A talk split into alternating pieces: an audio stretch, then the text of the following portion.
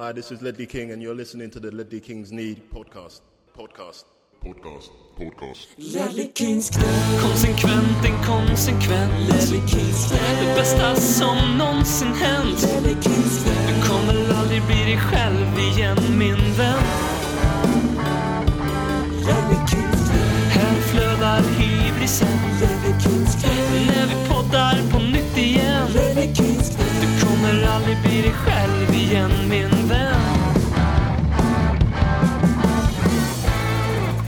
och välkomna till Guldskölden vinnande värmländska radioteatern om fotbollslaget och aristokraterna från norra London, Tottenham Hotspur Football Club. Eh, ni hör idag inte poddens Pochettino. Ni hör inte heller hans Mourinho, alltså Per. Utan ni får höra Nunot till Pers Mourinho som i sin tur var Martin Joll till Robin Dronsfield programledarskap. Eh, det är alltså BM som rattar Ledley Kings knä. Äntligen är ordningen återställd och ni får själva dra era slutsatser för varför Robin och Per inte är med i det här avsnittet. Eh, om det kan vara så att en paddelturnering anordnades den här kvällen i Karlstad tisdag den 8 mars. Vem vet och vem vet inte. Men med mig för att dra ballen över gruset är en man som är ett resultat av en ganska vacker historia som jag ska berätta för er här och nu. Det är nämligen så här att för ungefär 47, 48, 53 år sedan så var det en kväll i Deje på Deje vägkrog där en mycket känd och celeber ung och lovande fotbollsspelare var på besök efter att ha bossat och dominerat Dahlia- Cup. Den här unga fransmannen med svallande hår och mycket vacker bringa hade på något sätt hamnat på avkrokarna i Deje och där spände han blicken i vad som skulle komma att bli den här poddmedlemmens mamma. Och ungefär sådär nio månader senare så blev den 30-åriga pojken David Ginola far till poddens ankare och fördomsfigur. Välkommen tillbaks Marcus Håkman. Tack så mycket. Ja, det, ja. Ginola. Finare än så blir det ju inte. Vad tror du själv? Ser du Ginola framför sig på Deje vägkrog? Oj. Nej, det kanske jag inte riktigt gör. Det är väl det, det, två världar som är så långt ifrån varandra som någonsin går att bli på något sätt sådär. Ginola. Men eh, ja, jag skulle uppskatta Ginola i alla fall. Sen vad de andra 2823, vad är det nu bor i Deje skulle göra, det vet jag inte. Men eh, jag har hans rygg. Det känns lite som att hans storhet inte riktigt har gått fram i Deje. Det, det, han är en sån där spelare, han skulle inte uppskattas i Deje. Det TT-telegrammet har inte kommit fram än om Ginola. Man är, någon, man är längre bak i fotbollsordningen där än, äh, än Ginola. Vet, saker och ting tar ju lite längre tid innan det kommer fram där. Så det är någonstans, det är fortfarande kanske, ja som man säger, Ralf Edström och de som är äh, dagsaktuella i Deje. Det låter mycket rimligt. VM Och, eh, 74.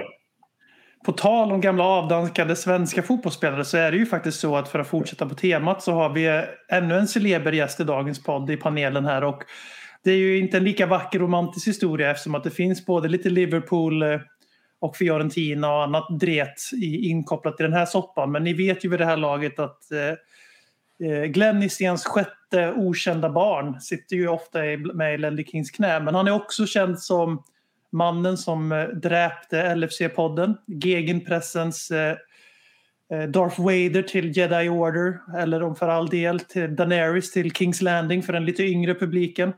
Och det är ju allas våran Jimmy Jonevret scen. Välkommen tillbaka till podden. Tack så mycket.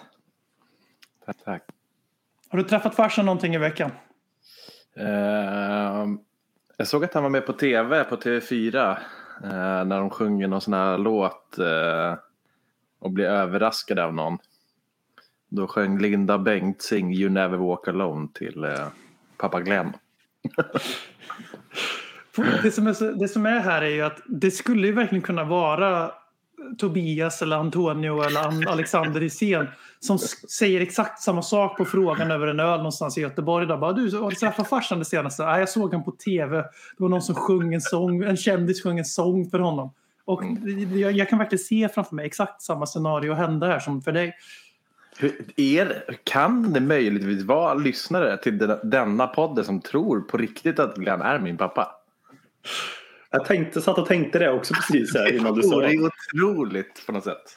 Ja. Men det Alltså jag tänker ju att efternamnet är väl en ganska bra ledtråd på att det inte är så. Tänk det, men i och med att det är sjätte bortglömda sonen så menar jag det är inte alltid säkert att man heter samma efternamn tänker jag. Sen, får man, sen som man alltid utgår från att folk är dumma i huvudet liksom, tänker jag. Det är ju min eh, agenda. Alltså. Det tror jag. Så.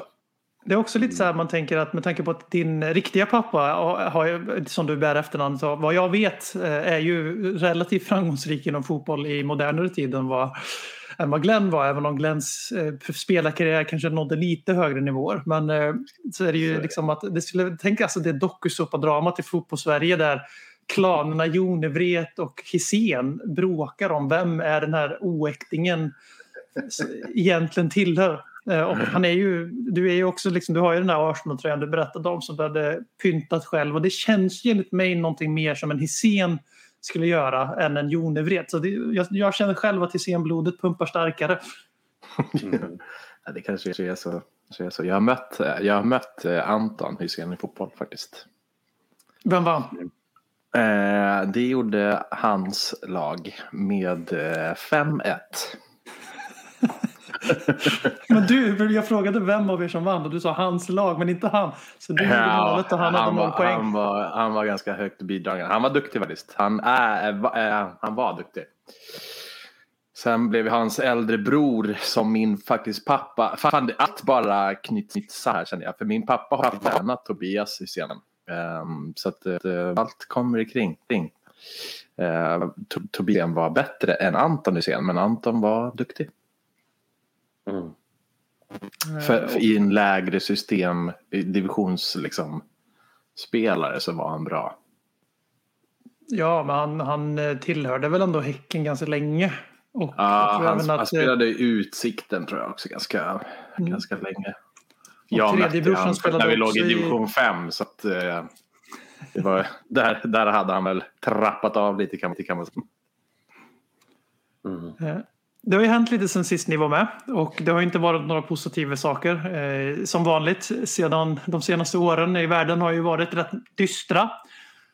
Eh, och eh, i förra veckans avsnitt så fokuserade vi väldigt lite på fotbollsklubben Tottenham Hotspur och väldigt mycket på fotboll och politik. Och eh, vi kommer inte göra riktigt samma sak idag. Eh, Det blir lite så här, ni vet redan vad ni får i Guldskölden vinnande podden Lelle Kings knä, värmländsk amatörradioteater.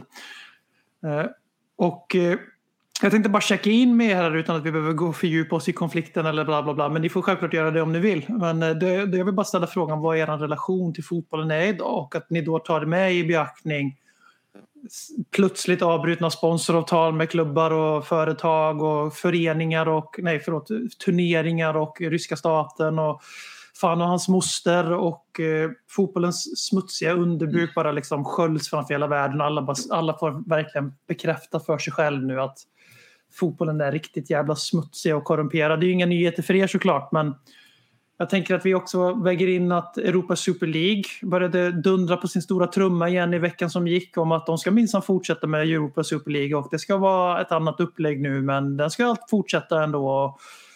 Sen även då att Champions League har utvattnat sitt eget varumärke genom att göra turneringen mycket större och fler gruppspelsmatcher och jada jada jada. Så jag bara, idag 8 mars i herrens år 2022. Hur fan känner ni för den moderna toppfotbollen egentligen Håkman? Mm. Ja, men den är väl... Eh, vad ska man säga? Ja, nej, men, det du säger att, att den är korrupt, vidrig och rutten och kriminell är ju ingen nyhet för oss kring detta, kring denna poddmix så att säga. Um, men jag, för mig blir den... um, på ett sätt kan man ju säga att det är bra, nu tar ju vissa avstånd eh, utifrån det som händer i Ukraina. Eh, och det är väl jättebra men det görs ju bara för att det finns i grunden en risk tror jag för dem att inte göra det. En större käftsmäll längre fram om man inte liksom väljer eh, den goda och den rätta sidan med detta. Utan jag, cynikern i mig säger alltså att det beror mer på en, att de gjort en riskkalkylering. Att visst, vi förlorar på det här här och nu men vi förlorar ännu mer om vi inte gör det här. Liksom, någonstans. Um, utan att nämna någon klubb som jag tror gör mer detta än någon annan. Sen visar det sig också Fifa att även i de här stunderna så slåss de och kämpar de uh, med buller och ja, bång att uh, behålla Ryssland kvar i kvalgruppen. För nu pratas det om att han ska eventuellt spelas till sommaren och allting där. Och då blir ju liksom nivån på ett ännu mer mörk liksom. Eh, att det till och med, ja nej, hopplöst. Och att man också börjar plantera eh, Europa Super League, nytt koncept mitt i allting det här. Det gör man också bara för att det inte ska få samma slagkraftighet. För att folk inte ska bry sig om det lika mycket. För det finns, ju en mycket större, tyngre, viktigare och mer, mer avgörande fråga för mänskligheten än Europa Super League. Och då väljer de att placera ut den den här veckan. Jag är helt övertygad om att den nyheten kommer på grund av kriget här och nu.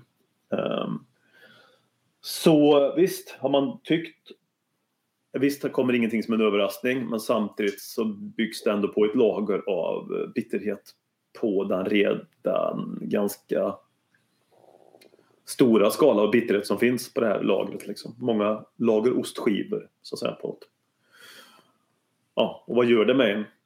Ja, det bara förstärker känslan av att den allmänna fotbollen inte har samma betydelse alls, romantiken kring det. Allt från internationell klubblagsfotboll till, eh, till eh, landslagsfotboll. Liksom. Man följer sitt klubblag, Tottenham. Och har någon form av kvar av romantisering i de lägre divisionerna kanske och i de skandinaviska ligorna i större synnerhet. Liksom. Det är tråkigt. Jimmy? Alltså, jag tycker det är väl, väl, väl talat av Håkman faktiskt. Det är ju bitterheten och, och liksom det där, det, det, blir, det växer sig allt större och, och det gör det ju, det gör det ju för, liksom, för alla egentligen. Eh, så det är väl inget så att man känner att man, åh, här står jag själv och inte tycker att det är roligt längre. Men, men samtidigt så, jag, jag gissar att jag är en av få i den här podden eller ja, så som, som konsumerar väldigt mycket mer än, än, än bara Tottenham. Så, eh, säkert ett par till. Men jag tycker fotboll liksom orimligt mycket. Det är inte bara England, det är Italien, Spanien, jag kollar allsvenskan, jag kollar norsk fotboll. Alltså så det, det är... Det är så här, jag tittar nästan mer fotboll än någonsin. Men känslorna har, har eh, svalkats. Alltså så, så, så, jag bryr mig liksom inte. Jag tycker, jag tycker bara att det är jävligt kul att titta på fotboll men känslan att de är inte alls lika starka som de någon gång har varit. Man har tappat intressen. Jag vet inte om det blivit, att man har blivit äldre och man liksom har, har börjat förstå sig på, på hur, hur den funkar mer än vad den har gjort tidigare. Men, men jag, jag, jag är inte alls lika jag är inte alls lika glad i själva fotbollen i sig Eh, för att det känns som att vad, vad som än händer, vilken värvning som än sker, vad som än ligger bakom vad, så känns det som att det alltid är någon skit bakom. Liksom. Oavsett vad, vad det är. En liten sak, det kan vara vad som helst. En, en övergång för smutsiga pengar, det kan vara någon korrupt jävla domare. Alltså det, det är som att det kan vara hur stort som, som helst, hur litet som helst. Men, men, men eh, det känns som att det alltid ligger någonting bakom. Det är jävligt tråkigt tycker jag. Jag älskar ju fotboll såklart och det kommer jag alltid göra. Liksom. Eh, och som jag säger, det, jag kollar ju mer än någonsin nästan. Men det, det, är, någon lite så här, det är någon liten grej som, som ligger och gror i bakhuvudet när man, när, på var, vilken jävla match jag än kollar på. Liksom. Och det är tråkigt. Jag kan bara säga att jag nästan går igång på Europa League mer i år än när jag gör på Champions League och vissa matcher. Till exempel nu när du har PSG mot Real Madrid. Nej, ing, det gör knappt någonting med mig rent emotionellt och känslomässigt. Eh, för normalt sett ska en sån stor match, vi kan byta till andra lag som är bra i, här och nu, skapa wow vilken match de här spelarna spelar här. Men den ger mig liksom ingenting känslomässigt. Och då men känslomässigt kan det ju vara så mycket mer än man hejar på ett av lagen som spelar tycker jag. Liksom. Utan allting känns som en... Um, ja, det, det, är som att man, du vet, man ser vissa kändisar och så ser man att Jo, jo, jag förstår varför gjorde kanske. De börjar med att göra en skönhetsoperation där. Och så slutar med att, som, att de ser ut som Sylvester Stallone i ansiktet. Liksom. Lite grann så känns det med matchen att det är, det är för mycket uh, skönhetsoperation på, match, på lagen och matchen. De är större nu som gör att ja, som man säger det man kan inte se igenom det. Jag vet inte ens förklarat på bättre sätt. Liksom. Det är det som gör det. Och då kan andra matcher som kanske inte, absolut inte är lika välspelade för herregud, som du Jimmy säger, att jag fan, kärleken för fotbollen och spelet och liksom, bra matcher. Det, det, är ju, fotboll älskar jag ju liksom. Men, ja men jag kan uppskatta, så jag lägger högre värdering i andra saker än bara att det ska vara de 22 bästa spelarna på planen. Liksom. Det kan vara andra saker i själva fotbollen som har fått större vikt för mig. Och då är fotbollen lika viktig men det kan vara, men som jag sa, en Europa League-match till exempel. Det finns även Champions League-matcher som kan vara intressanta. Liverpool-Inter tycker jag var rätt intressant till exempel som ska spelas när vi spelar in podden idag. Liksom. Men, ja. Kärleken är väl lika stark fast uh, den har fått annan eh, prioritering på vad som är viktigt för att det ska vara kärlek. Ja, absolut, det är ju kan relatera till vad ni båda säger väldigt mycket och det, det är ju ingen ny punkt det här heller utan man har ju haft först hade man vad man kallade för en Spurs-depression när Pochettino fick lämna för Mourinho efter en väldigt fin tid där liksom allting kändes väldigt jävligt rätt med Tottenham för mig. Jag kommer nog aldrig identifiera lika starkt med alltså själva spelarna på planen och tränaren vid sidan av planen. Alltså för klubben i sig är ju inte kanske någonting man egentligen identifierar sig jättemycket i alla andra frågor. Man lägger ner sina värderingar och så. Är, eh, men det går inte att göra någonting åt som vi har diskuterat. Men eh, jag brukar ju annars vara som Jimmy förut. Att jag tittar på hur mycket fotboll som helst. Och det har ju definitivt fortsatt under pandemin eftersom att det fanns inte särskilt mycket annat att göra än att se på fotboll. Vilket i sig säger en del om vad som är prio i fotbollen idag. Men eh, eh, jag är lite likadan där. Att jag hade ju en period där jag såg ingen Premier League för huvudtaget förutom Tottenhams matcher. Eh, I år är jag kanske lite tvärtom. Tittar mer på Premier League än vad jag har gjort på väldigt länge. Eh, främst för att eh, ja, det finns någonting i den brittiska fotbollen som har fortfarande charm och så. Men när någonting sånt här rullar upp och fotbollen liksom verkligen står där med händerna i kakburken. Och som sagt, alla visste ju om det här egentligen. Det är inte svårt att hitta de här smutspengarna och eh, skurkstaterna som använder sig för att rentvätta sina namn och eh, göra stora projekt och PSG och Manchester City och fan och hans moster. Eh, men sen just förra veckan så kom ju ut de här uppgifterna att Roman Abramovich tänker sälja Chelsea och sen så ser vi Amanda Stavely, eh, Newcastles eh, de facto Livy, eller vad man ska kalla henne, för hon är inte ägare men hon är ändå den som styr eller vad man, hur man uttala sig. Hon har Jag bara säga, på tal om att operera sönder ansiktet också på något sätt, jag sa förut som en ja. jämförelse. Där har du ju ytterligare en, ja, kan man ja. jämföra. Lite grann va. Men eh, sen att hon går ut liksom och det jag tycker synd att det ska behöva bli så här. Man ska behöva sälja sin fotbollsklubb. Ja, men, alltså, ja, när man avslöjas som att man har varit med och tagit fram en diktator som alla vet om en diktator har varit ganska länge. Eh, att, och, eh, och, och hjälpt honom till makten och ens pengar vet du, ingen riktigt vet hur man har fått tag i dem. Och, så liksom, han är ju inte ett offer i det här. Och att hon säger det och att reaktionerna, när jag snabbkollar lite reaktioner ser man massor med Newcastle-konton som är inne och försvarar henne. Ja, men de är ju dumma i huvudet liksom. Han suger det i en jävla darre liksom.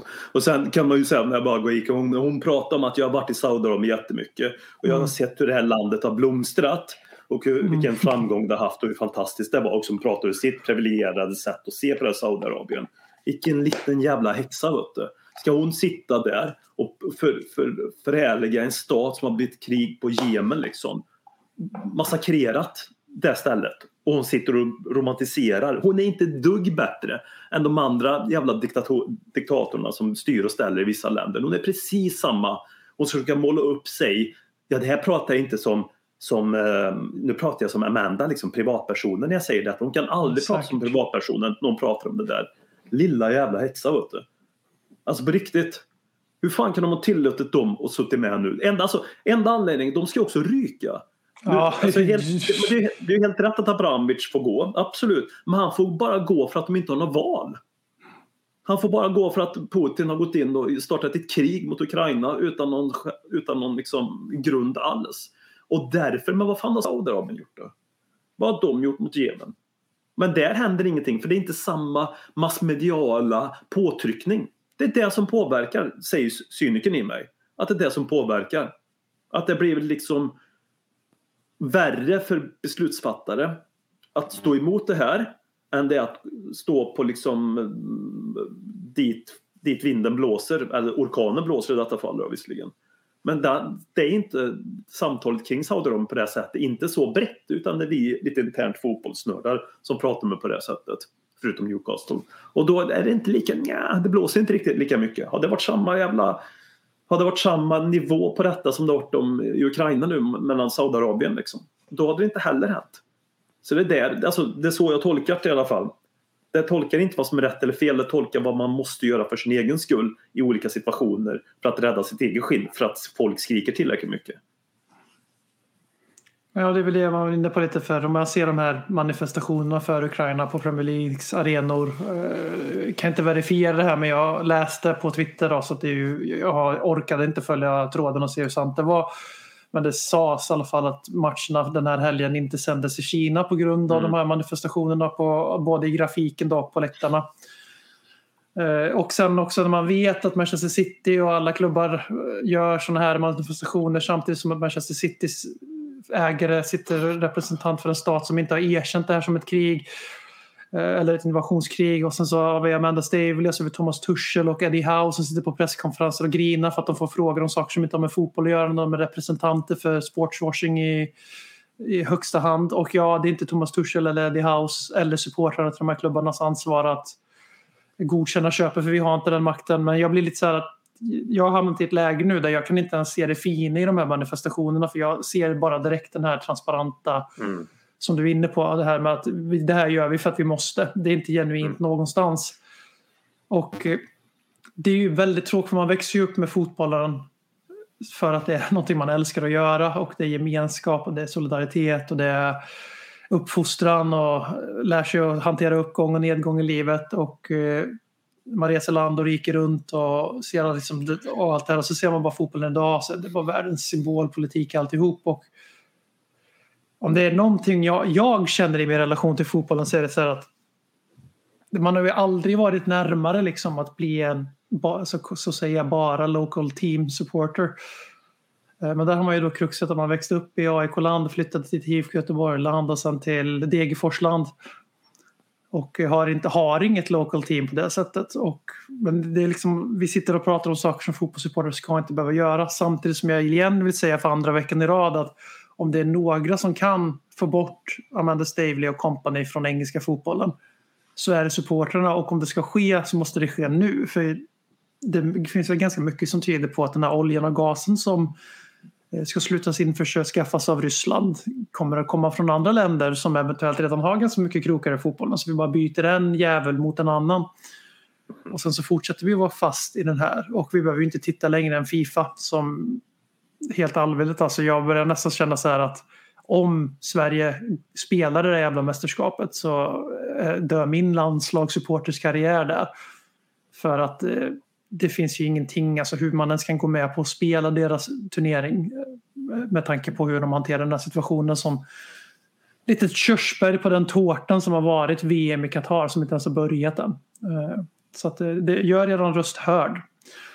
Men är det någon som vill ha något slutord på det här? För nu kände jag att det blev väldigt så mörkt och deppigt och politiskt precis som förra veckan när jag sa att det skulle inte bli så. Så lyssnarna har redan börjat så här, lagt på. De har, de har, av, de har avprenumererat på podden och gått in på någon mycket större, bättre podd med 300 000 lyssningar i månaden som våran guldsköld förlorande podd Studio Allsvenskan exempelvis. Men 300 000 lyssningar i månaden. Det är vad som står på deras Twitter. Oj, Men vi har jävlar. 295 000 bottar som röstar om dagen så det är chill. Ryska. Ja. Långa poddar, långa poddar, långa poddar om Spurs. En Ja. person som eh, älskar fotbollen jävligt mycket just nu är nog Sir Dockan, eller Lord Dockan of the Swords i Dublin, Irland. Och han har, bara för att säga så här, ska ni räkna personerna med mig här så har vi Totte, Can You Hear Me, det är två personer, Wilmer, Magnus och Daniel med flera som har varit inne i våra mansions och frågat oss om dockan och hans storhet. Så jag bakar in en jäkla massa frågor om honom i ett och så här, Håkman du får svara på hur fan har han blivit så jävla bra helt plötsligt? Och sen får Jimmy svara på vart på listan över bästa värvningar Tottenham har gjort Matt Doherty för 11 miljoner pund ska handla med. Vi börjar med Håkman. Vad först fan och- har hänt med dockan? Först och främst måste jag ju gratulera dig då att du har äntligen fått en irländare i Tottenham igen som eh, färgar och gör det bra. Det måste ju, alltså, gratulera dig, du menar dig BM. Måste kännas skönt. Jag är glad för din skull. Att du har en ny kille där ute som kan få eh, bära din Nationsfadern, landsfader, dockan. Ja, nej, men så grattis till dig först och främst. Det är det som har gjort mig mest glad i detta. Att, eh, du, är, du är värd detta på något sätt nu. Ehm, ja, hur fan har detta hänt? Jag vet inte. Hur länge har det hänt än så länge? Men sett till den lilla korta tiden det har hänt då, så att säga. Att, att eh, han har gjort, vad är det, två bra matcher? Är det tre bra matcher? Eh, Fem poäng på en- 544 Premier League-minuter. Vad sa du? Fem poäng på 544 Premier League-minuter. Ja, men det är lite grann som en person efter ett nyår ska börja gymma så har han gymmat i tre veckor så anser han sig klar. Men, men ändå ska jag berömma det någonstans så, så, så är det ja, men det är väl ett bra kvitto för konto på något sätt. Han kanske passar väldigt bra i hans system och vi såg väl någonstans, som jag minns det i alla fall innan han kom till Tottenham, att i det här 3-5-2 som jag försökt spela förut med honom visserligen, så var han ju väldigt bra i Wolverhampton. Han var ju duktig där. Eh, Framförallt det offensiva indexspelet. Eh, Defensiva kommer jag inte riktigt ihåg. Han syntes ju mest i det offensiva liksom. Ehm, och där har han ju också tagit fart nu tycker jag. Och, och ser mer ut som den Dorothy, Doherty. Hur, hur uttalar man det? För att göra Dockan. det. Dockan, ja precis. Dockan eh, har sett ut där. Så är det inte en tränargärning där bara någonstans? Och en egen eh, insats också någonstans. Men eh, tränarens kunskap eller eh, spelsystem har fått honom att se bra ut. Och sen kanske han ser så jävla bra ut för att alternativen, de, de andra alternativen där, ja. Är det inte också väldigt Tottenham att vi värvade honom från det här systemet som Conte spelar, alltså på Mm. papper, det är ju inte i kopior bara för att de har samma, men de har samma Nej, utgångsposition i alla fall. Exakt. Till Mourinhos, där han spelade en ganska låg defensiv backlinje där ytterbackarna var ganska defensivt lagda. Och sen köper vi Emerson Royal som hade passat jävligt bra i Mourinhos fyrbackslinje för att spela i Nunos fyrbackslinje. Men sen bli, behöva vara oumbärlig i Contes trebackslinje eller femmannamittfält, hur man nu vill se det. Det, det. det känns otroligt Tottenham på något sätt att nu har vi en misslyckad värvning för Mourinho för att han inte passar i systemet. Har nu blivit en supersuccé i nästa tränares system eller näst, nästa tränares system för att värvningen som kom in på den positionen nu inte passar in i systemet. Och det ser man vad viktigt det är att spela, köpa spelare utifrån system också. Alltså inte bara spelare för att ja, men han var duktig i, i den klubben. Ja, men titta på Harry Maguire till exempel. Ett exempel, fastna, men som ett exempel. Han var ju jätte, jättebra i Leicester. Fantastiskt bra. De spelar lite lägre fotboll. United spelar de lite högre upp. I alla fall nu efter eh, Mourinho. Jag menar, man kan inte bara köpa en spelare för att han har funkat i ett lag tidigare oftast. Utan det gäller att köpa spelare som har funkat visserligen, men som också funkar i det lag man och den formationen och utifrån sättet man vill spela själv i. Och då är det ju en jävla... Då hoppas man att det här sportcheferiet i långa loppet, oavsett vem som sitter där, det ska vara nyckeln till att vi kontinuerligt ska kunna ha detta sättet som nu vi visar med Doherty. Som är en del i, som du var inne på BM, att vi har nu ett spel som passar honom bättre än det gjort tidigare liksom, i alla fall. Och då blir det bättre också, någonstans. Jimmy, hur, eh, hur eh, högt på listan över bästa värvningar i historien vill du ha in Doherty för 11 miljoner pund? Jag, jag, jag är nog ledsen att behöva säga det men ehm, det blir blir- det mer hur, hur, hur lågt vill jag ha honom på listan? Uh, det, det, det, det går liksom inte riktigt att, att prata om höjd när vi pratar om en sån värvning. Men, men samtidigt så är det ju som du säger, vad, vad sa du, 500 minuter typ. Uh, och fem poäng, uh, vilket är helt otroligt. Han var ju otrolig igår. Eh, I alla fall när vi spelade in den här podden, alltså mot Everton. Och, och det är ju så intressant. Jag har suttit och tänkt på det liksom i veckan. Hur, hur, hur, hur, hur, kan, det, hur, hur kan det bli så här? Jag, jag, kan, jag fattar inte riktigt. riktigt. Samtidigt så gör man så här. Dockan är väl en av de spel som har, har han har väl varit riktigt sval nästan under kanske en längst period av alla. Eller jag kan inte, jag kan inte minnas någon annan som har varit sådär. Han har verkligen varit en sån spelare som är så här. By, byter vi in han då vet vi att det här inte blir bra. Eller om han startar så vet vi att det inte blir bra. Winks är en jäkla slagpåse men fan han har sina insatser i sig här och där. Eh, och då är inte ens jag en, en jag är ändå en, en, en, motståndare jämfört med många andra.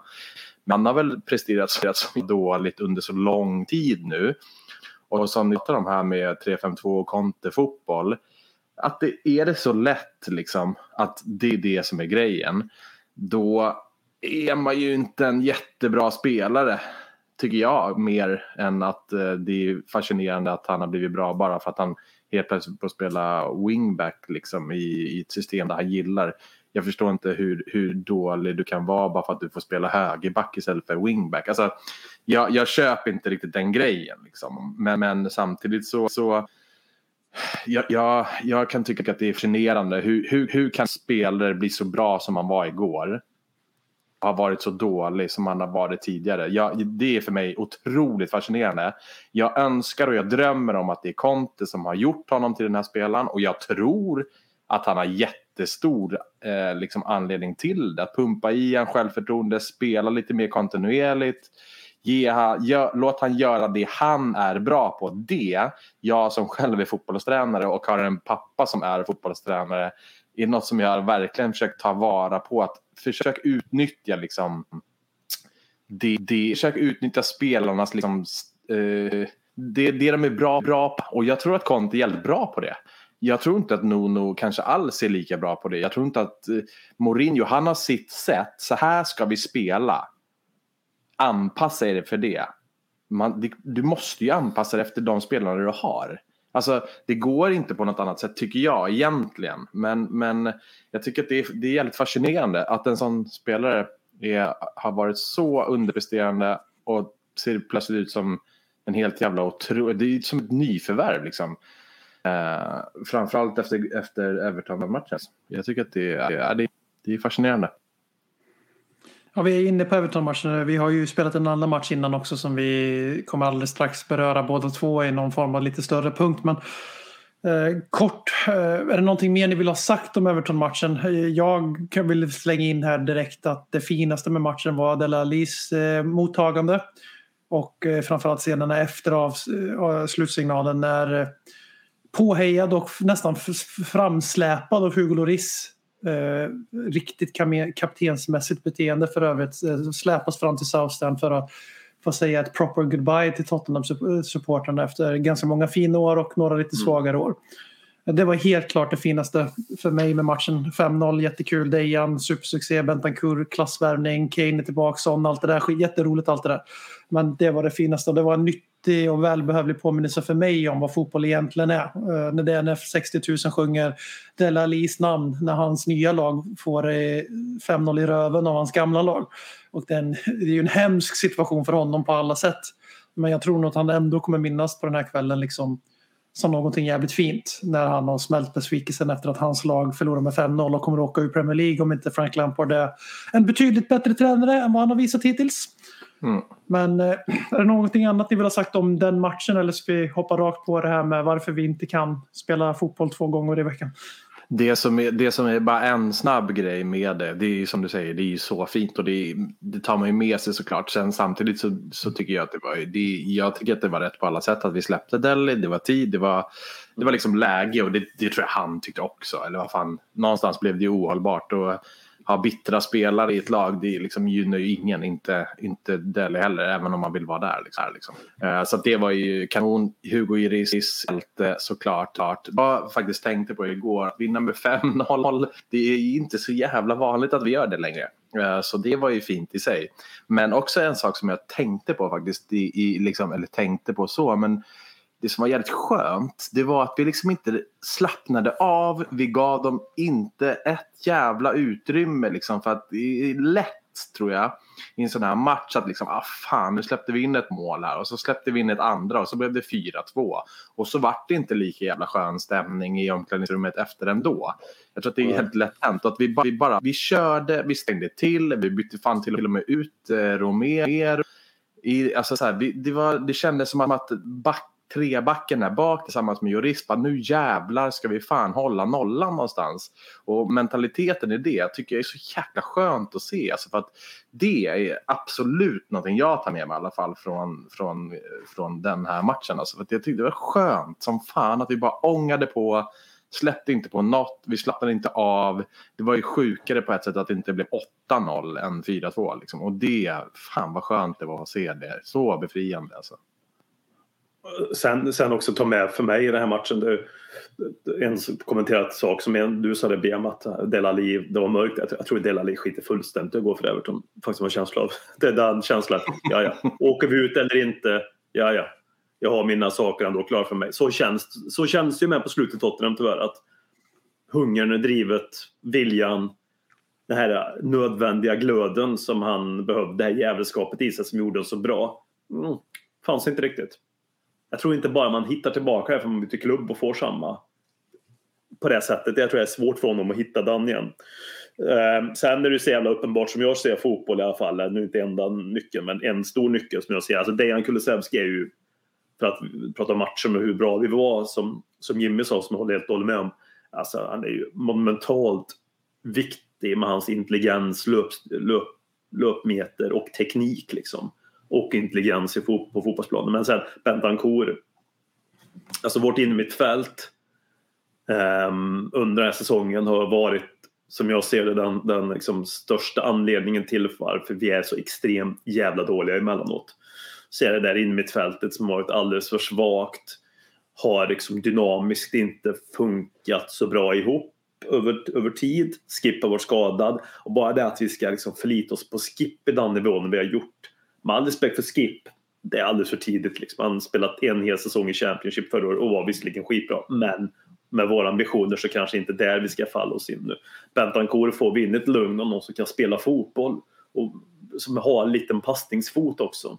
Som vi verkligen saknar på det där innermittfältet. Så där ser jag som en jävla vilken key han är här och nu för mig i Tottenham redan. Och det är ju det är bra scoutat men också verkligen tyder på vilken brist som jag tycker vi har haft innan så att säga. Ja, jag som kanske, jag, eller du också Håkman, för den. jag som kanske, kanske inte är på en, i en podd på tre månader efter den här igen, när man förpassas till avbytarbänken, Nej. kan ju då säga att eh, eh Bentancourt, Höjbjerg och Skip på ett centralt fält, är det, är det dags att eh, skeppa Winks? Mm. Är är, jag måste bara liksom så här, måste bara ta upp det nu. Ja. Det bara oh, blir så. Ja, men hur, hur ska, hur, jag, ser man Tottenham vinna med 5-0 med Winks här på samma sätt så nu var ju Höjbjerg och, och Benkour otroligt duktiga och bra liksom. Så det, det är mm. orättvist mot Winks. Men, men jag bara kände så här, det här har inte han i sig. Jag är så ledsen. Han är one of our own. Jag älskar grabben. Men jag är ledsen. Det funkar inte. Så, vi hörs om tre månader. Mm. Eh, jag hoppas att det där var svar på era frågor. FPL Swe och Matte Holmén här som frågar om Dejan är typ världens bästa spelare och att vi ska prata bara om Dejan. Jag kan också kasta in Kim som också ville att vi skulle prata om Dejan. Och där fick ni höra lite Dejan men också lite Bentancur. Och då tar jag en liten curveball här också. och frågar. Axel undrar om Fabio Paraticis jobb här i Spurs. Och vi kommer inte gå in på det, men igår så startade tre spelare som han har värvat. Och alla tre har gått rakt in i startelvan, sett i olika startsträckor med Romero skador och sådär. Men alla tre är ganska oumbärliga från första dagen de kommer. Eh, skulle man inte kunna sträcka sig till att tre nyförvärv som är oumbärliga för Tottenham direkt och eh, Antonio Conte på sidlinjen att det är svårt att säga någonting annat än att han ska upp på en fyra. För vi satte en trea på honom du och jag efter sommarfönstret, eh, Håkman. Mm. Alltså det blir ju det. Jag menar, det så här, de, de tre värvningarna och Conte på sidan, de blir ju större än Emerson. Liksom. Så, ja. så är Och så man, man kan man kan ju säga, Emerson, hur fan kunde vi värva han? Och, och Barcelona bara garvade till, till bank liksom. Men, men samtidigt så blir då, då förstår man ju så här. Vi har ju precis värvat en Kulusevski 21 bast, Romero 23. Mm. Eller något sånt tror jag. 22 till och med va? 22 till och med. Alltså, Ja, det är alltså- någonstans där. Någonstans där. Man blir bara så här, va? Det, det, här kan ju, det här kan ju bli liksom något helt spektakulärt av det så. Och att, att se liksom så här, fan vad vi vill ha dig igen här nu. Och att han är så bra och naturlig som han är nu. Vi, jag tycker så här, jag har ändå varit rätt positiv till Lukas Mora många gånger för att jag tycker att han har ett jävla driv, ett go, mm. glöd, duktig på att driva boll. Men så ser man det här. Det är ju som att det är Maradona som är på, på Ja, men alltså, ser bara- alltså, ser- alltså kontroll och liksom han tappar inte boll, han skyddar boll. Han, det, går, det tar inte, han gör ju det. Det kändes som att han borde gjort liksom 3 plus 2 igår egentligen. Och det har inte Lukas Mora i sig. Liksom. Och det visar också någonstans en, en, en trött jävla sak som jag har stört mig på många år som kan gälla för vissa ibland. Så här, ja, men nu har vi värvat den här spelaren som var Pochettinos största nackdel. Nu ska den här spelaren ha 68 månader på sig för att komma in i laget. Att You lära känna systemet. Vad sa du? You sign to train. Ja men precis. Det visar ju någonstans vad fan. Fotboll är fotboll. Visst det skiljer sig till sak och till- på vissa fall liksom, men ändå. Det här ska ju också kunna bli. Köper man en spelare för en stor summa pengar så ska ju den, kan man inte fanns vara här nivån, man ska kunna komma in som Pentancur och Dejan ändå göra skillnad direkt. Jag har alltid tänkt på det där att det alltid ska ha en jävla förståelse för att fotboll i England är på något helt annat sätt än fotboll och det skiljer sig, jag fattar det. Fotboll i Italien nu alltså, till exempel. Mm. Fan vad skönt att du, att du säger det, för det där tycker jag också. Jag håller verkligen med om det där. Ja. Vad, vad, vad är det tar sån jävla tid att anpassa dig? Liksom? Du är ju en duktig fotbollsspelare. Gå och spela Ja. fotboll som du är bra på. Det är därför exakt. de har köpt dig. Liksom. Hur, liksom en Dombele bara, "Åh, nu- är det lite regn här och tre grader kallare i England. Liksom. Och då kan inte jag plötsligt spela och då blir jag också hungrig samtidigt. Alltså, så här, eller vad, jag fattar inte vad grejen är. Det är så här, gå ut och lira, gör din grej. Det är så här, Mm. Hur svårt det är. Jag, jag, jag kan inte heller fatta den saken. De går rätt in, är bland de bästa i laget tillsammans med Ja, men Kane och Son som är de själv, själva. Liksom, och Dyer ger lyft också. Bara att ha Romero bredvid sig såklart. Mm. Jävla jävla att se att de bara går in. Liksom. Mm. Ja, befriande. Det var länge sedan Mm. vi hade så kan jag tycka med nyförvärv. Att de kommer in och bara färgar direkt. Mm. Vi har haft en jävla lång rad av nyförvärv som har varit åt andra hållet. Katastrof. Ja. det, Ja, men precis. Och nu får, får vi in några som går in och är självklara direkt. Och det är just de här tre. Nu är Romero varit skadad mycket och det var väl de här landslagsuppdragen där. Men direkt när han började spela, bortsett från skadan, så tyckte jag också att han visade att han är en, en kille att liksom bygga på. En kille som går in och är självklar i laget. Mm. En kille som är självklar som startspelare. Ingen snack om Mm. saken liksom. Så jag, tycker, jag, tycker, jag tycker att Lyon var, också bra ganska direkt när han kom. Sen är det nästan så att han har avtagit hellre. Eh, för, att, för att Region. Ja, precis. Ja. Mm. Eh, han, det var nästan som att han rivstartade och sen avtog det lite för att han red på någon ny härlig våg. Och det Mm. kan jag nästan tycka är skönare. Och så fick vi in Sessignon nu som visserligen skadade sig. Men och, så här, okej, om inte jag är bra då kan jag faktiskt bli petad för vi har en annan bra gubbe på sidan. Ja. Och så kommer Region in, Sessignon skadad, skadad, han gör mål och då blir det så här, fan skönt, då har vi en till, gubbe. Och det är det, som är viktigt, att vi har spelare som är nu, nu, jä- nu jävlar. Mm. Och det är fan skönt att ha det. nu är stämningen för hög här i en, för ett lag, i en podcast som ett lag som har vunnit. Eh, hör och häpna här då. Anders tar upp ämnet också när han frågar om man, berg och dalbanan som är Antonio Contes Tottenham. Och det, är, ju- det vi vet är att när Tottenham får fyra dagar, eller fem dagar eller fler på sig att förbereda sig. Då förlorar inte Tottenham med ett, ett poängtapp och det är mot Liverpool 2-2 där vi borde vunnit. Eh, när vi får fyra dagar eller färre att förbereda oss inför en match, då vinner inte Tottenham. Det är ett undantag tror jag. Det är Leeds 4-0 och Leeds hade, hade förlorat mot Borough. Precis som Everton också hade förlorat mot Borough. Som också slog ut oss vid vår sista titelchans för den här säsongen när vi åker ut med 1-0 mot Middlesbrough i FA-cupen.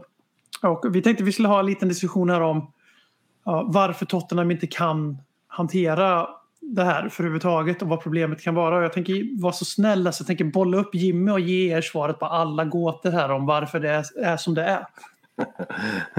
jag, har, jag har svaret på allt. Nej, det har jag, har jag verkligen. Men, men grejen är, grejen är så här, jag tror att det är en, en det jag pratade med, att det är så jävla, jävla intressant med hur dock, dockan plötsligt kan bli liksom helt enastående i en match. Eh, så tycker jag också samtidigt att tänk dem nu under innan Kulusevski kom, innan eh, Bentancourt kom och vi har spelat, när vi spelar en match, vi vinner och så spelar vi tre dagar senare och så känner man okej, okay, idag blir det torsk. Vi har alltså, om, om man tittar på det, jag såg den där uh, lilla mallen. De matcherna som har varit efter tre dagar. Det är inga roliga förluster. Det är alltså Southampton hemma, Wolves hemma, det är Borough borta. Det var något, något jävla skitlag hemma vill jag minnas också. Uh, och då känner jag så här, nu har vi Kulusevski som var riktigt bra uh, i, i, mot Everton. Då kan, då kan vi kanske slänga in Lukas Moura nästa match. Och så kan Kulusevski komma in. Förra, förut var det lite mer så här, ah, det är Lukas Moura, han måste ju spela liksom. För Dele Alli är omotiverad, han vill inte knappt spela. Vi hade Lo Celso som, ah, jag vet, jag vet inte hur, hur man förklarar den situationen. Liksom skadad, hyfsat bra, bra, kom in ibland, ibland, ibland inte.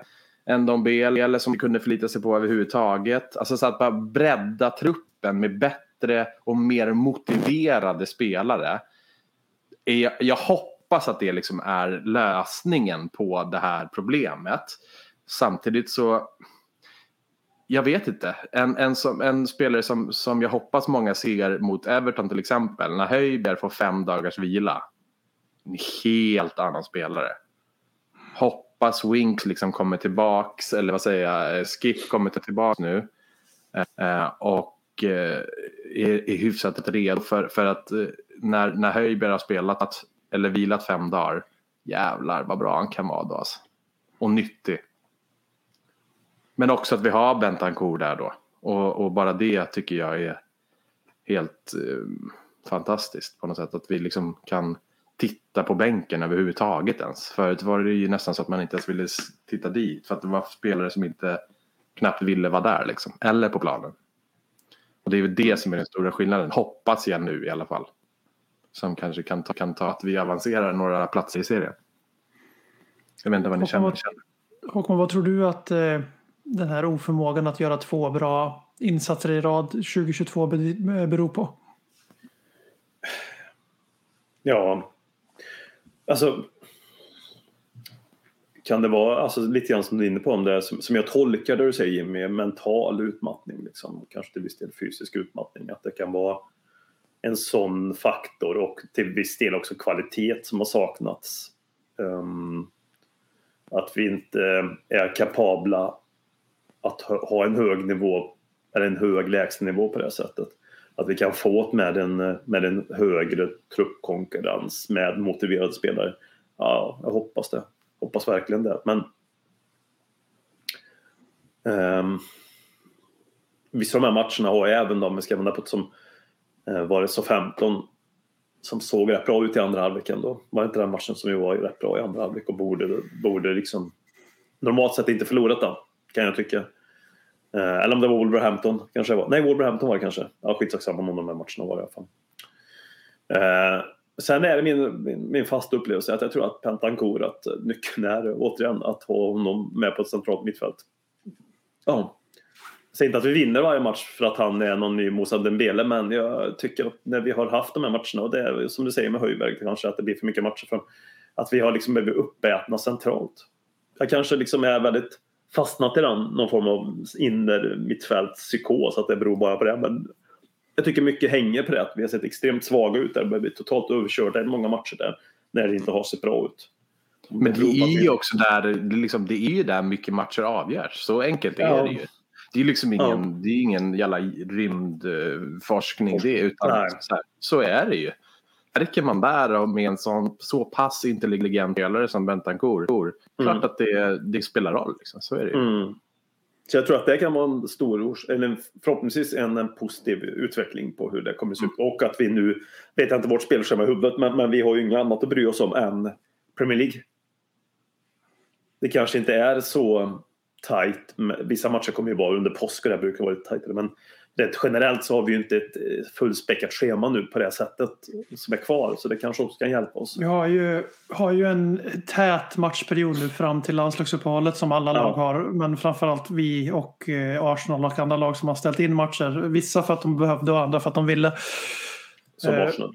Ja, och Arsenal, för det, vi, vi kan väga in där för vi, det är Martin och andra som har frågat just om topp fyra. För det, det blir ju så, Conte har ju fått tillbaka tron på att vi kan nå topp fyra och det här är ju då ett, för, ett sätt för oss att belysa huvudproblemet för att nå topp fyra är nog inte Arsenal eh, utan det är Tottenham själva. Vi tappade nio poäng där vi borde tagit minst fem eh, i alla fall sett till insatser och eh, motstånd. Absolut minimum fem. Då hade det sett jävligt annorlunda ut eh, på grund av de här matcherna. Och det som talar för Tottenham, eller emot Tottenham där är ju att Conte måste ju göra det bättre. Att vi måste klara av att ta två raka segrar. Vi måste kunna vinna två matcher i veckan. Eh, och vi kommer ha några sådana veckor där det är två eller till och med tre matcher. Eh, så annars så lugnar det ner sig rätt markant. Men det jag tänker på större sikt här är att Fjärdeplatsen var ju död såklart när Conte kom in. Sen kanske inte var det matematiskt, men när du behöver byta tränare i november och när du byter tränare från någon som har anpassat sitt sätt att spela efter Tottenhams filosofi bara för att han var tvungen för att få jobbet till Conte som har en helt egen filosofi som han eh, liksom vägrar att rucka på. Det tar längre tid än vad folk tror, tror jag, att ställa om det. Framförallt med samma manskap och sen med två nya rakt in i elvan i januari och några ut och som det var. Eh, och vi är helt enkelt ett väldigt ofärdigt fotbollslag. Och om vi kollar på de lagen runt omkring oss, West Ham som överpresterar i år igen i ligan, fast egentligen inte på senare tid för de har gått stått på sina jävla 47 poäng ungefär rätt länge känns det som. Eh, du har Liverpool och Chelsea som är på en egen nivå, och sen, nej, förlåt, Liverpool och City som är på egen nivå.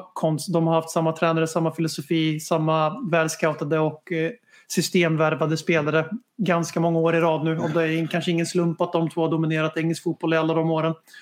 Sen har du Chelsea som är uppe och stycker ibland för att de kan värva vem de vill och de har en väldigt bra trupp och en väldigt bra tränare. Sen är det ju massa kaoslag runt omkring det. Det är Arsenal som det har blåst kring fast de har haft samma tränare. Det är Manchester United som det har blåser till och det är kaos. Det är Pochettinos sista tid i Tottenham och Mourinho-tiden allt inbakat på ett halvår och lite värre. På grund av ännu större egon. Så liksom det, det kanske inte är så konstigt helt enkelt att Tottenham gör så här just nu. För att vi är ofärdiga, vi, är inte, vi har inte Conte-truppen klar än. Vi har inte hans försäsonger, det sitter inte i ryggmärgen på spelarna än. Och vi börjar ju se, och framförallt när laget får lite mot, medgång, så ser man ju de här automationerna. Vi ser Doherty mot Everton där liksom alla hans fina ins Det är ju verkligen så här indrillade mönster i anfallsspelet som klickar. Det här är vad jag försöker säga när folk säger, till exempel Robin, säger att eh, det här är väldigt likt Mourinho-bal. Det Conte gör. Det håller jag inte med om alls. För även om vi hade bollen mindre än Everton i första halvlek igår så är det att när vi väl hade bollen så visste vi exakt vad vi skulle göra med den. Det är inte bara passa till Kane som ska hitta Son. Även om det kan se ut så för att sista passningen ofta är Kane till Son. Men det är ju enbart för att Son är ju vårt djupledshot. Liksom det, är, det är klart att det är han man slår bollen till. Men eh, om ni tittar på hur vi faktiskt bygger upp våra mål och som City-matchen är väl det bästa exemplet alla tre är helt fantastiska fotbollsmål även fast vi inte hade bollen typ förutom de tre anfallen. Så det är lite samma sak mot Everton. Att Contes fotboll börjar sätta sig men vårt lag är inte riktigt där än mentalt och taktiskt och självförtroendemässigt som jag tror är jävligt viktigt och centralt här. Så att det sker bara automatiskt när vi har lite stäm, när vi har lite flow, när vi tar ledningen, när vi känner att det här är våran match. Då ser det väldigt bra ut och när det är lite motgång då börjar spelarna tänka vad ska jag göra med bollen nu, vad vill Conte, vad är min roll och sådana där grejer. För vi har fortfarande lite för begränsade fotbollsspelare för att flyga. Det är min långrandiga analys av varför det ser ut som det gör och det finns väl en liten anledning till att vara orolig för nästa säsong. Eftersom att vi med stor sannolikhet kommer att säkra Europaspel igen. Och då måste ju Conte hantera eh, två matcher i veckan bättre än vad han har gjort hittills i Tottenham. Och eh, även i, i italienska klubbar där han har faktiskt floppat i Europaspelet förutom den där Europa League-våren då med Inter när de gick till final. Eh, och där om jag vill minnas rätt så spelade man med slutspelet i ett sjok va? eller var det bara Champions League man gjorde så? Jag kommer inte ihåg nu, men de gick till final i alla fall. Det kommer jag ihåg. Jag tror att det var Ham där först. Så det är väl lite oro där, men eh, bara så topp fyra chanserna det är upp till Arsenal att tappa topp fyra. Det, Tottenham kan inte göra mer än att se till sitt eget. Måste slå Arsenal till att börja med och eh, måste bli jämnare och sen behöver Arsenal underprestera in i mål. Det Jag, finns jag, inte så jag, tror liksom. Tot, jag tror Tottenham och Arsenal känner nog lite likadant på ett sätt. Nu har ju självklart Arsenal en fördel eftersom att de är före oss i tabellen. Så enkelt är det ju. Eh, Så de har ju satt sig i ett bättre utgångsläge och de ser ju också, de vinner ju och vinner ju nu, ju- just i alla fall. De har också Eh, spelat jättefå matcher 2022 jämfört med alla andra runt omkring. Ja, de har nej, spelat precis, 9 och precis. de andra 13 eller 14. Ja, och det, och det är ju en jävla skillnad bara det liksom. Eh, så, men men jag, tror, jag tror att våra läger någonstans känner lite likadant, att det är upp till oss. Eh, jag tror att om, om Tottenham presterar på en nivå, det behöver inte vara 5-0 Everton bra, för att Everton bjuder till ganska rejält också. Men, men kan vi ligga på en hyfsat stabil, jämn, bra nivå, så tror jag absolut att vi har chans på topp fyra. Och jag, jag, jag är helt säker på att Arsenal, Arsenal känner samma sak. Liksom. Nu är det ju Arsenals Champions League att förlora. För att de, de har ju pole position i den såklart. Så är det ju. Vi har ju liksom gått miste om den, eller ja, om vi ens har haft den överhuvudtaget. Nej, det har vi jag- inte. Det är det som är Nej, alltså egentligen. Så att jag tror att det är så här, det är upp till oss. Är vi bra så kan vi ta den. Eh, Vi kanske till och med kommer att ta den. Men det, det handlar också, vårt största problem är inte åh, Arsenal, de är ganska bra just nu, utan det är prestera i matcherna. Det är det det handlar om. Gör vi det så kommer vi ha chansen. Liksom. Vi kan sitta här, ah, vi har mot Wolves, 15 och Borough i cupen. Så det, är så här, det, det, det, det får inte hända liksom. Fokusera på det istället. Gör det bättre. Så, så kanske vi tar den här jävla fjärdeplatsen. Skit i om Arsenal vinner med lite tur borta mot något jävla skitlag. Watford, nu var det kanske inte tur, men det, det är mer i resultat, eh, liksom resultatet 3-2. Så, men, men fokusera på att vinna matcherna. Skit i det andra så, så kommer vi ha jävligt god chans att ta dem även fast Arsenal ligger före just nu. Billigare än knark Roligare än terapi Ledley Kings knä För den du redan är Men också för den du vill bli Vi går rappt vidare här till att eh, det är ju så att eh, vi har en eh, på nytt född Harry Kane och vi har en ständigt briljant Jong Min Son och eh, det, igår så gick de då alltså upp i topp fem i poängligan och skytteligan i Premier League båda två. Eh, som var väl redan där i alla fall den sistnämnda poängligan med sina poäng mot Everton och eh, efter matchen så uttalade sig ledaren Harry Kane Enligt journalisten som skrev artikeln själv ska han då ha sagt att det är dags för mina lagkamrater att sluta med ursäkter och ställa sig till att prestera på planen ungefär så som Jimmy rantade alldeles nyss här. Och först vill jag bara ställa en väldigt öppen fråga till er. Det är så här, när Harry Kane axlar en ledarroll och säger sådana här saker i media och det samtidigt läcker ut att Conte och Kanes framtider är sammanlänkade, a.k.a. om en drar så drar den andra också. För vi kan ju all, vi kan ju inte gå en vecka i Tottenham utan att eh, spekulera i att Antonio Conte ska ge upp efter ett halvår. Eh, för det vore ju tråkigt om han faktiskt eh, försökte före han gav upp. Så fick ni höra min lilla bittra sida också. Men tillbaka till Harry Kane. När Harry Kane säger sådana saker, när sådana här saker läcker ut i media, hur reagerar ni nu med tanke på sommaren? Ser ni Harry Kane som en ledare? Mm, ja, kanske på sätt han arbetar på träning och på plan. Kanske inte en verbal ledare. Så min spontana känsla när jag hör sånt där det jag tänker, ja. Alltså. Jag lägger inte så som mycket han vikt i vad han säger liksom. Han blir förebilden på grund av att han är så jävla bra. Liksom. Mycket tycker jag i alla fall. Alltså, han, han har ju varit så otroligt bra i så många säsonger nu så det, det är därför han Alltså, det är därför att han ens är assisterande tror jag. Ja, igen. Han är inte kapten, kapten. Skulle nästan gissa. An, an, liksom. Han är ju så jävla duktig och, och har varit vår bästa spelare så jävla länge. Så att när sådana här grejer kommer ut, jag vet inte vad man tar av det liksom. Eh, det, det är klart på något sätt att han har ju rätt i det han säger, om det är det han säger. Eh, sen är det ju ifrågasättbart med journalisterna och sådär. Men Och sen Harry Kane har väl aldrig pratat på detta sättet tidigare någonsin. Varför skulle han börja göra det nu helt plötsligt? Och det, det är precis det jag kommer in på. Att det är ju, jag tycker att det är så, det här, jag vill se det här från honom. Jag, jag tycker att Tottenham har för få spelare som går ut och ställer krav på varandra. Eh, det är en av få saker som liksom visar lite hjärta som jag faktiskt håller med om. Det är just att utåt sett så är spelarna dåliga på att sätta krav på sig själva och varandra. Eh, För det gillar jag som supporter att höra att de gör. Sen, det, sen att, hur stor effekt det har, för vi har ju ingen jävla aning om. Men de kanske har enorma kravbilder på varandra som inte vi ser eller hör. Det är förmodligen ganska sannolikt med tanke på vilken nivå de faktiskt spelar på.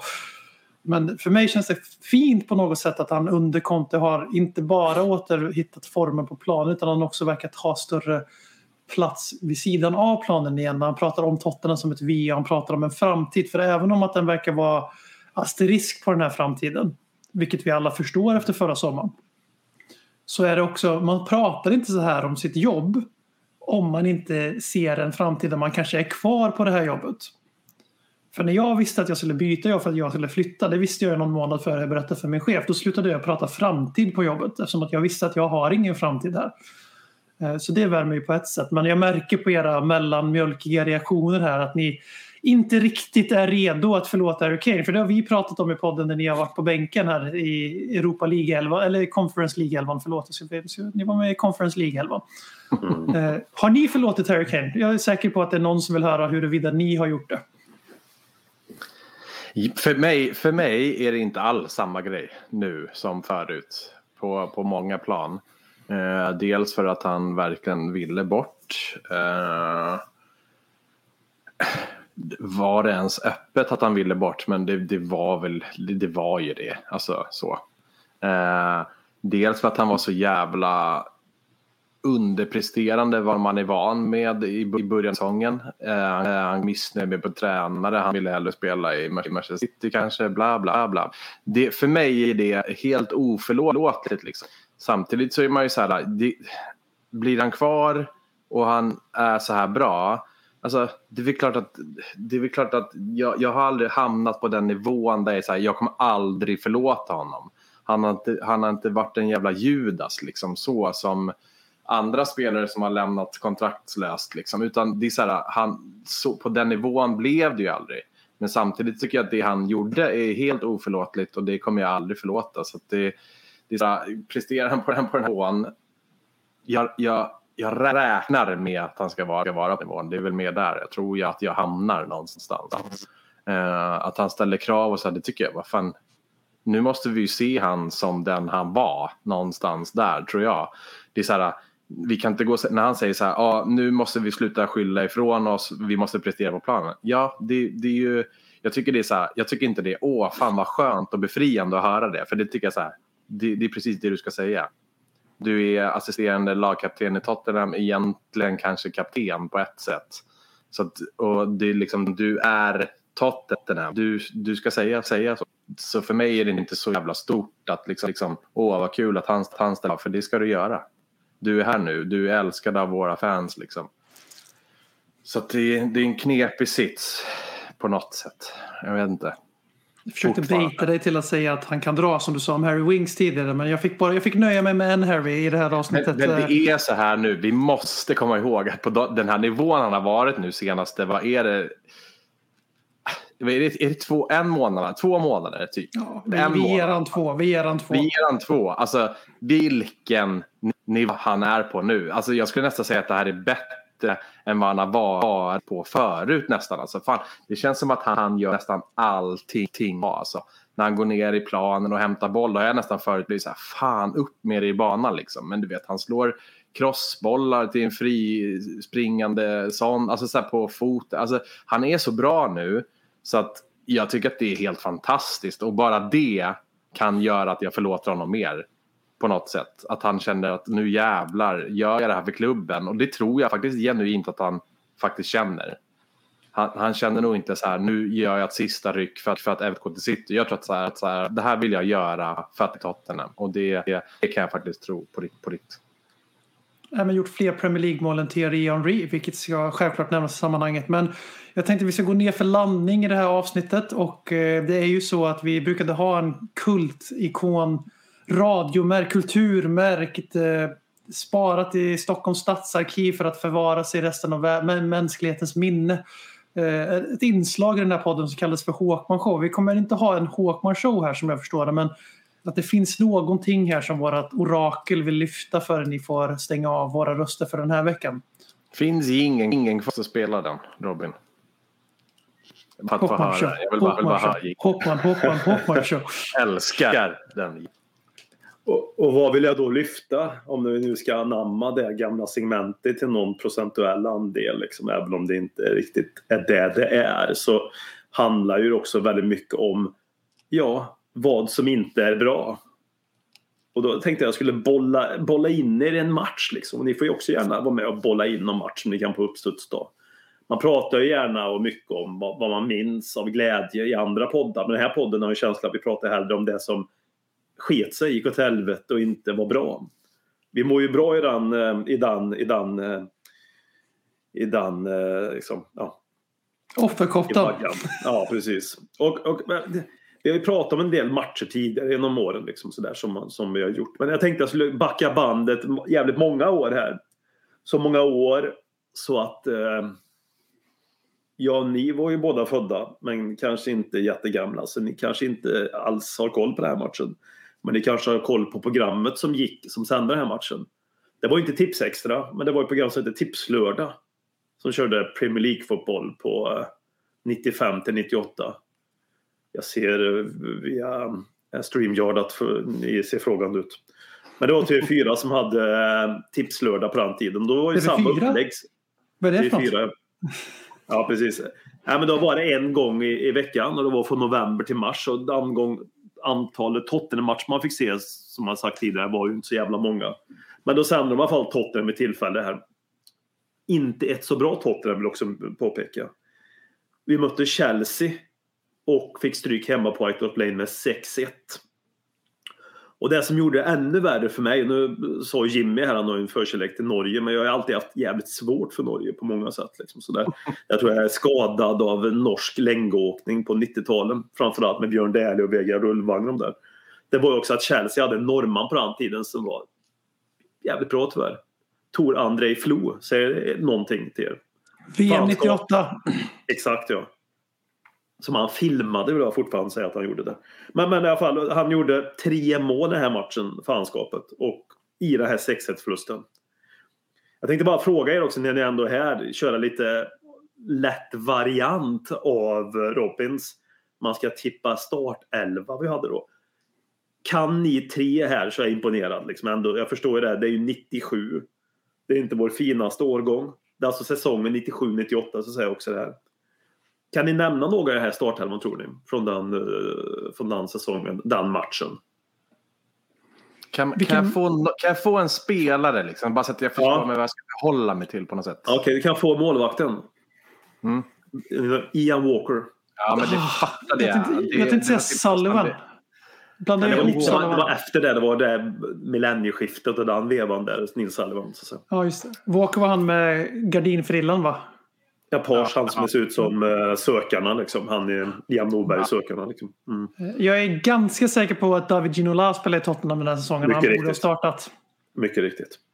Jag vill, jag vill, eh, jag vill, alltså jag vet inte om, om han spelade mycket senare.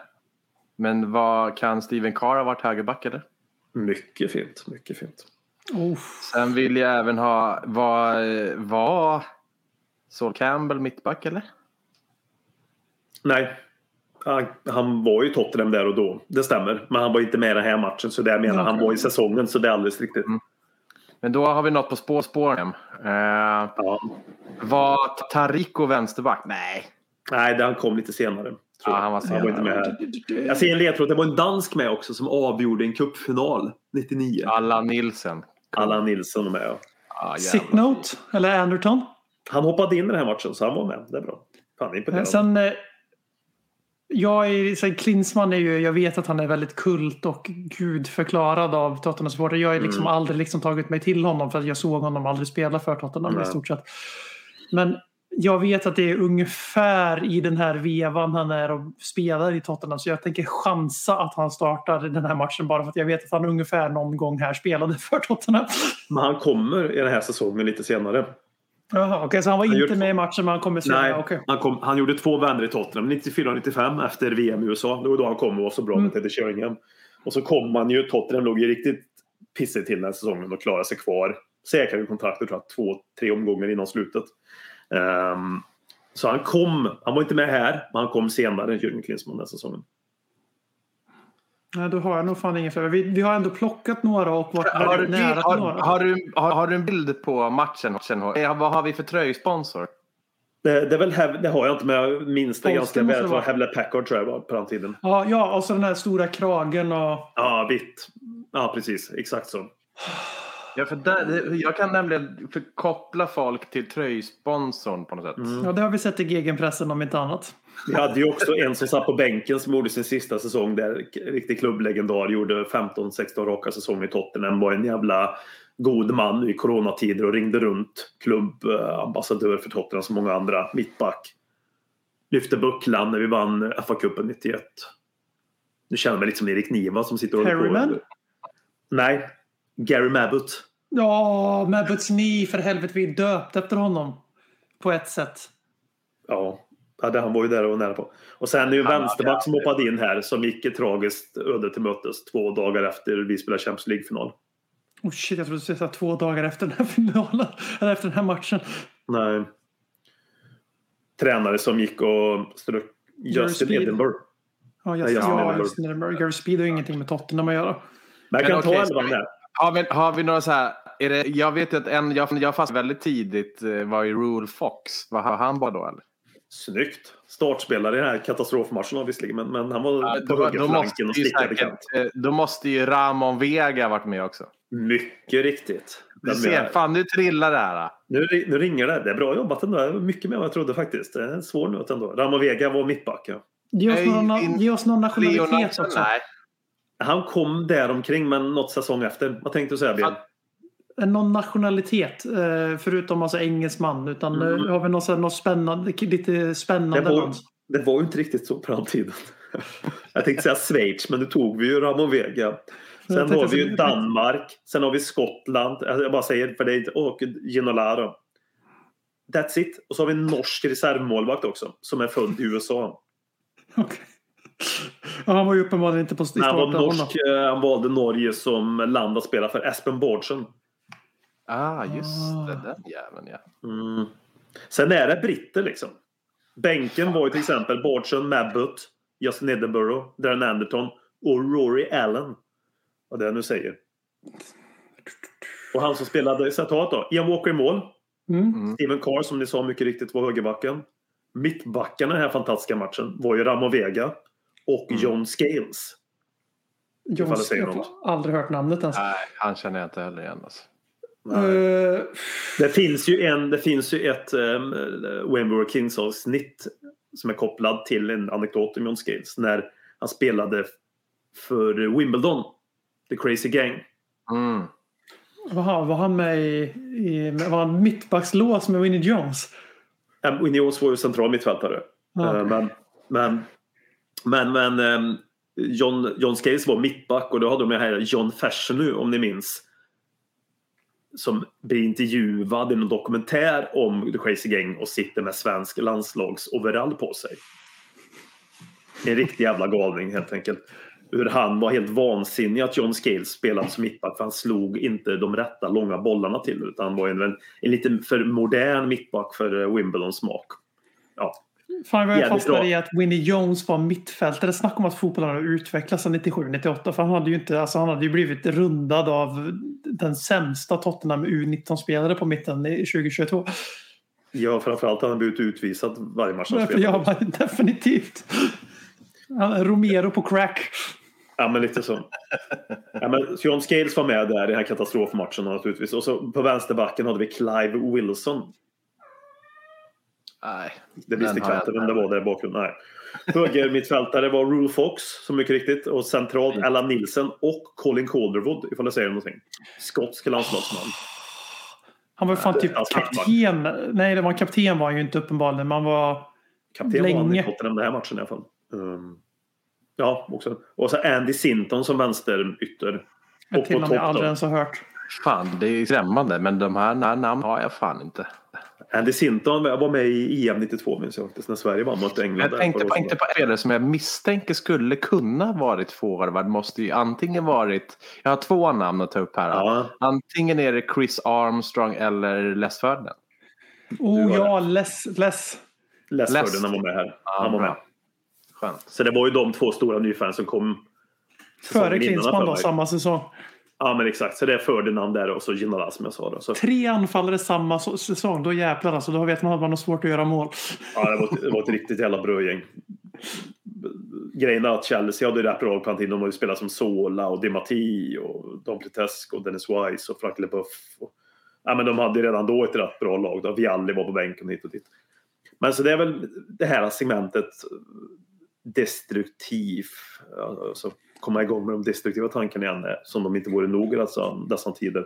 6-1 mot Chelsea 97. When we Vad känner ni shit. när, när ni hör det här laget? Liksom? Det, är, det är ju väldigt mycket gamla England över det. Få spelare utomlands och de kommer från typ Skandinavien och exotiska Frankrike. Liksom. Ja, Jag känner bara att eh, vi istället för att köra When we were kings så kör vi som jag precis sa. Vi kör ju Tottenham Hotspur When we were shit. Väldigt kompatibelt med Håkmans persona. Alltså det jag känner av det här segmentet är att jag älskar eh, hur, att, att, vi, att Tottenham var så dåliga. Att vi torskade med 6-1 hemma mot Chelsea. Och jag älskar Håkman. Det är det jag tar med mig härifrån. Ja, det var fint. Jag tar med mig Steven Kerr. Den, före, den, den, fram tills Matt Dohertys match mot Everton. Exakt. Bästa höger wingbacken vi haft. Ja. Och Irland. Fan, jag tror att han hade varit fin idag alltså. Va? Han var Som han kunde stormat på den här jävla högerkanten alltså. Jag minns när vi hade Glenn Hoddle där som tränare runt när han kom där. Första tränaren som blev anställd av Daniel Levy. Eh, Så hade han, körde han ju också 3-5-2. Då hade vi ju Carr på ena flanken och Christian Siege, Ja. eh, gamla tysken på vänsterkanten. De var rätt duktiga i den, eh, i den positionen jag tycker Med de orden så... Instagrammande Louis Vuitton-pojkar nu. mm. Eh, Vi kan ju säga att Tottenham har gått, gjort en väldigt resa, en väldigt stor resa sedan 1997 och 1990, till från 1998 tills idag. Och vi har gått från Steven Carr och Christian Siege på, på vingen till Ryan Sessegnon och Matt Lord Dockan of the Swords Dublin på högerkanten och eh, kan gå och lägga oss med tanken att eh, det var fan mig värre för. Det bästa som någonsin Tack för oss. Tack. Tack, tack. Kommer aldrig bli dig själv igen min vän Här flödar hybrisen när vi poddar på nytt igen. Du kommer aldrig bli dig själv igen min